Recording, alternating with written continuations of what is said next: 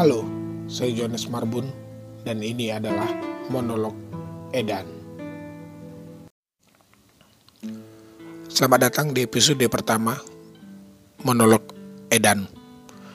Uh, jadi saya memang sendirian, makanya saya bilangin monolog dan Edan dan kalau digabungkan itu menjadi Medan. jadi monolog Edan ini saya buat ketika saya sudah satu bulan berada di Medan. Saya meninggalkan Medan kurang lebih 12 tahun mungkin, 12, 13. Wah, maaf, saya lupa pastinya.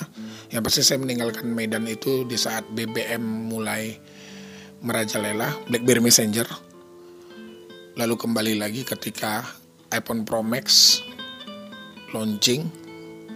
Saya kembali uh, ya pasti karena corona. Pulang dari rantau di perantauan tidak ada apa-apa. Saya dulu tinggal di Bali. Ya kita lumayan hancur di sana. Uh, saya bekerja di hotel dulunya. Jadi bisa dibilang tidak ada penghidupan lah. Ya menjadi suami subsidi di sana corona sendiri lumayan uh, lumayan sangat apa ya dibilang lumayan sangat unik penanganannya dan masyarakatnya lumayan patuh.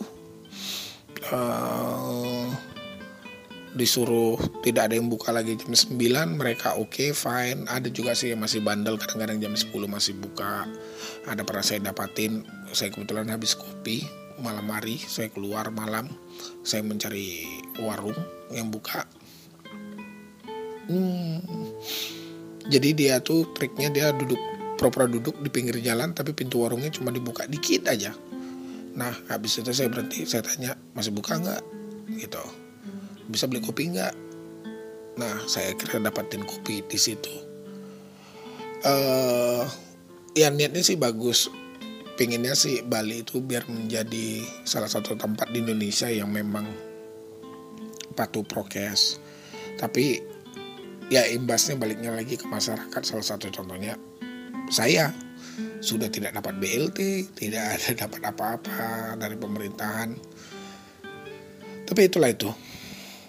Akhirnya saya pulang ke Medan dan ini sekarang sudah hampir satu sudah lebih dari satu bulan lebih berapa jam dari satu bulan saya di Medan. Uh, saya melihat corona itu tidak ada harga dirinya di Medan. Hari ini saya jumpa dengan salah satu teman lama uh, teman lucu-lucuan teman ketawa-ketawa mulai dari kuliah naik gunung semua. Bercerita banyak hal mengenai Medan, uh, sharing pengalaman hidup. Ya setelah sekian lama dong, pasti kita punya cerita untuk bisa saling dibagikan. Ya ketawa-ketawa. Dan balik lagi seperti saya bilang, Corona tidak memiliki harga diri di Medan. Itu benar apa adanya.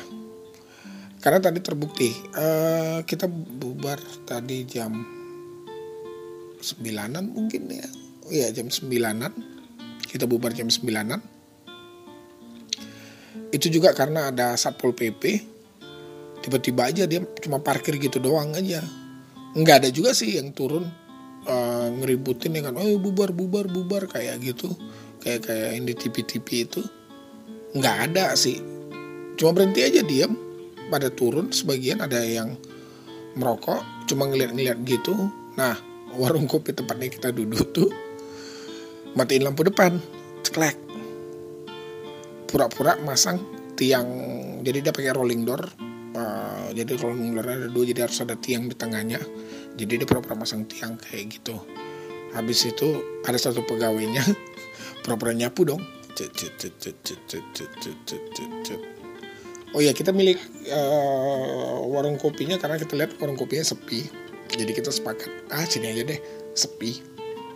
Karena jujur ya saya dan teman saya juga memang agak sedikit paranoid kalau ngeliat suatu tempat yang rame. Kita tidak tahu dong yang mana OTG mana yang terkena mana yang benar-benar sehat. Kita nggak tahu sama sekali. Jadi kita putusin memang ke warung kopi yang tidak begitu populer. Biasa aja sih tidak tidak rame lah pengunjungnya. Kita pilih di situ. Dan memang benar di situ kita cuma ada dari table yang disediakan dia dia ada punya hampir 20-an table. Yang terisi cuma dua table aja. Saya dan anak tamu yang lain lagi. Nah jadi uh, para pihak satpol pp ini cuma ngeliat-ngeliat doang. Cuma ngeliat-ngeliat doang. Dia pak bikin kayak gitu. Terus pergi dong satpol pp nya kita juga gara-gara udah dari jam 8an kayak gitu. Ya dia sudah berkeluarga juga kayak gitu kan. Jadi kita putusin udah pulang lah yuk pulang yuk pulang yuk. Udah jam berapa ini? Kayak gitu. Ya udah pulang. Uh, ternyata tuh warung dinyalain lagi dong lampunya. Dibuka lagi dong ininya tiang penyangga tengahnya lagi. Iya bisnis as usual. Tidak ada juga yang lain-lain. Dan sebenarnya mereka benar di satu sisinya itu. Corona kan tetap ada 24 jam coronanya ada. Corona nggak hilang kalau mereka tutup juga. Cuma ya kalau saya ngeliat dari kacamata sisi pebisnisnya ya pasti dia perlu uang dong untuk menggaji karyawan untuk biaya operasionalnya dia kayak gitu.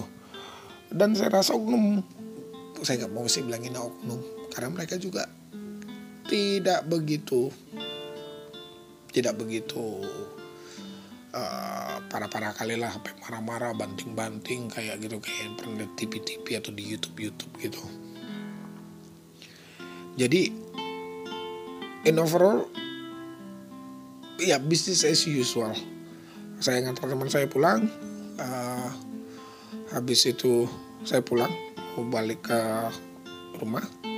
Saya ngelewatin lagi masih banyak warung-warung kopi juga yang masih buka saya sih tidak mau permasalahkan kalau misalnya ngumpulnya duduknya memang ada jarak antara satu table ke table lain ya bukan istilahnya circle-nya dia kayak gitu. Kalau circle circle-nya dia atau juga mereka berteman ya kalau kena juga ya teman-temannya itu juga kan.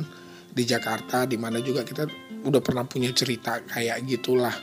Gitu di PCR eh rupanya kena. Abis itu dia ngontakin teman-temannya yang tempat uh, dia nongkrong kemarin itu kayak gitu bilangin eh gue kena men. Begini begini begini begini begini begini. Nah yang lainnya juga ikut memeriksakan diri. Jarak antara tabelnya kalau memang sudah jauh dan memang sudah tidak memungkinkan untuk penyebaran melalui droplet hmm, mungkinlah kayak gitu. Cuma yang agak sedikit bikin unik itu ya itu tadi penanganan penanganan jam malamnya itu ppkm psbb ya whatever it is di Medan memang agak sedikit unik sendiri. Uh, ini aja masih sayup-sayup sih terdengar. Kayaknya ada kafe yang buka suara berdentam-dentam kayak gitu. Ya sebenarnya menurut saya juga tidak ada masalah kalau Anda memang bisa menjaga jarak antara table Anda. Kalau Anda joget juga memang sama teman-temannya Anda. Jadi toh juga corona dengan statusnya sebagai flu ya. Kayak gitu. Come on everybody got the flu. Semua juga bisa kena flu. Ya ah, flu burung sama semuanya kayak gitu. Obat pastinya tidak ada. Untuk menghilangkannya total tidak ada. Salah satunya adalah membangun imun tubuh. Ya dengan divaksin otomatis. Terserah mau vaksinnya itu halal atau tidak.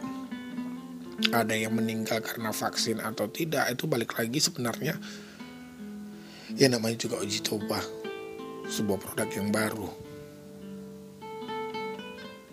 Daripada dibiarin kayak penuh ketakutan kayak awal-awalnya corona. Saya ngalamin loh tiga bulan di Bali itu kita keluar itu memang benar-benar wah parah banget. Parah banget parah banget. Tiba-tiba semuanya hening tiba-tiba serasa kayak nyepi kedua kayak gitu. Benar-benar parah banget parah banget parah banget. Uh, intinya sih kalau saya ngelihat kesadaran masyarakat sih sebenarnya. Nah kalau misalnya udah udah kayak gitu sih mendingan kalau memang mau bergaul mau tetap nongkrong silahkan cuma ya pilih-pilih tempat lah. Kayak kita tadi kita memang milih tempat yang benar-benar sepi kayak gitu. Memang ada sih beberapa tempat juga di sekitaran kalau orang Medan pasti tahu di sekitaran jalan ring road. Uh, dekat pompa bensin Sunggal ada beberapa tempat di situ benar-benar rame benar-benar padat kayak gitu dipenuhin orang di jarak tiap tablenya ya tidak memenuhi standar prokes ada ada. Cuma uh, itu kan jadi kan jadi taking risk kita nggak mengambil risiko mau kena atau enggak. Nah kan itu kan keputusan ada di tangan kita kalau masalah oh di sana kopinya lebih enak yang ini makanannya lebih enak yang ini lebih ini. Tidak juga harus ngikutin lidah Anda dong Bambang. Kalau hanya untuk pengen nongkrong kan Anda bisa pesan melalui aplikasi online. Ya kalaupun dia nggak nggak ada di aplikasi online bisa pakai uh, yang fitur shopping atau delivery atau ya whatever it is lah kayak gitu. Tapi memang benar uh, corona nggak ada harga dirinya di Medan dalam konteks ada nggak bisa sih gue aku bilangin konteks positif. Ada negatifnya ada karena aku ya salah satunya ini aku dengar suara kayak kafe gitu. Ada musik-musik dugem-dugem gitu. Sudah pasti dong tidak mungkin dugem duduk gembira. Pasti berjoget-joget. Dan itu menyebarkan corona maybe yes. Kalau mereka tidak tidak ada kesadaran diri. Jadi sebenarnya kesadaran diri sih kunci untuk ngilangin corona ini. Tapi anyways ini udah mau jam udah mau jam 2 kayaknya. Besok kerja lagi. Uh, ada catatan diary kalau mau dengar sampai habis makasih kalau nggak juga nggak apa-apa in overall ini episode pertama monolog Edan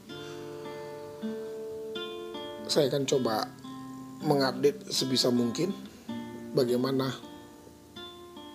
Medan ini setelah sekian lama saya tinggalkan. Oke, saya Johannes Marbun. Ini monolog Edan. Bye.